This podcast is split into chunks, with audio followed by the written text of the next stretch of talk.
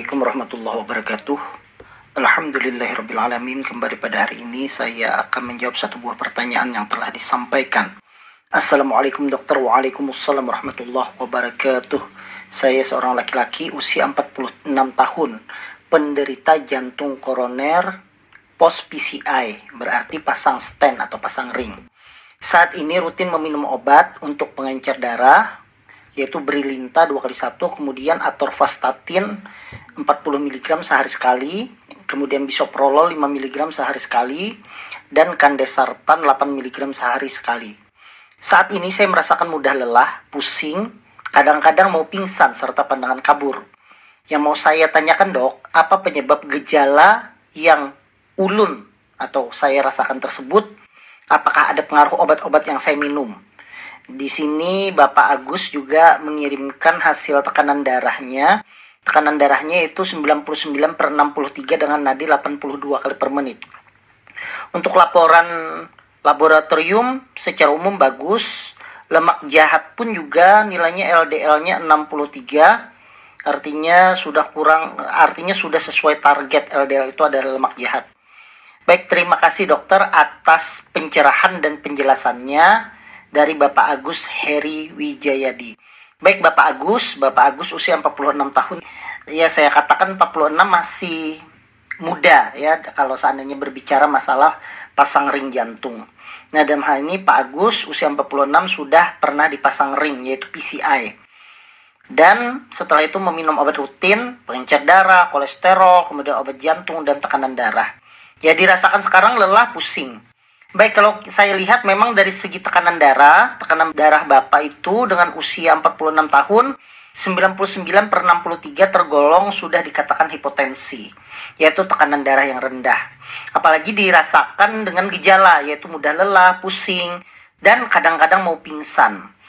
Nah, kenapa itu bisa terjadi? Macam-macam Pak Agus, eh, Pak Agus Heri yang terjadi. Bisa saja sebenarnya efek dari obat-obatan mungkin bisa terjadi. Misalnya karena Pak Agus kan sudah mendapatkan obat misalnya bisoprolol 5 mg dia tujuannya yaitu untuk memperlambat denyut jantung bisoprolol itu supaya uh, isian jantung atau curah jantungnya itu cukup. Kemudian otot jantung juga tidak memerlukan oksigen yang tinggi, demand oksigennya menurun dan juga diberikan penurun tekanan darah yaitu kandesartan 8 mg. Nah, mungkin saja ini juga bisa menyebabkan tekanan darah menjadi turun dan Pak menjadi pusing berputar. Nah, saran saya sebaiknya Pak konsultasi kepada dokter yang memberikan obat tersebut apakah perlu penyesuaian dosis. Penyesuaian dosis itu artinya apakah dosisnya perlu diturunkan atau ada uh, obat yang mungkin di stop. Nah, dalam hal ini saya tidak berhak untuk memberikan advis obat ini atau obat itu yang di stop karena tentunya yang berhak untuk memberikan advis tersebut adalah dokter yang telah merawat Bapak Agus sendiri, khususnya dokter tersebut yang telah melakukan pemasangan stent tersebut. Kemudian apakah ada pengaruh lain? Ya mungkin saja, ya. Misalnya karena mungkin Pak Agus habis terkena serangan jantung kemarin itu atau jantung koroner, akhirnya Pak Agus tidak berani banyak minum, ya Padahal mungkin saja sebenarnya kekuatan otot jantungnya masih bagus, tapi karena kata orang minumnya dibatasi, akhirnya Pak Agus membatasi minum. Itu juga bisa menyebabkan tekanan darah menjadi rendah. Jadi dipastikan dulu ke dokter nanti apakah denyut apa kontraksi dari otot jantungnya itu Pak Agus itu masih bagus atau sudah berkurang. Kalau masih bagus sebenarnya minum itu tetap sesuai dengan kebutuhan.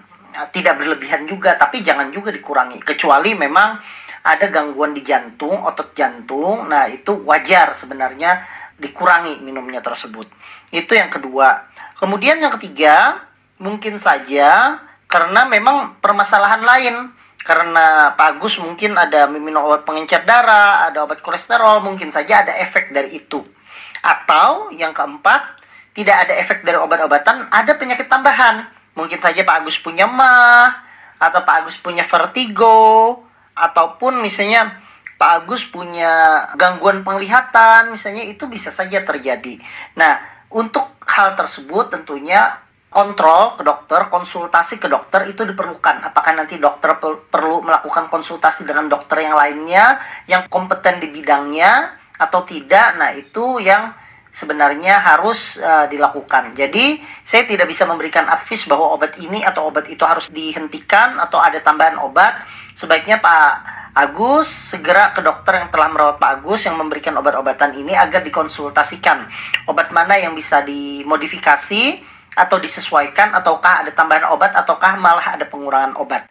Demikian mungkin itu saja yang bisa saya jawab. Semoga Pak Agus Heri sehat selalu dan seluruh jamaah yang mendengarkan ini diberikan kesehatan oleh Allah Subhanahu wa taala. Wassalamualaikum warahmatullahi wabarakatuh.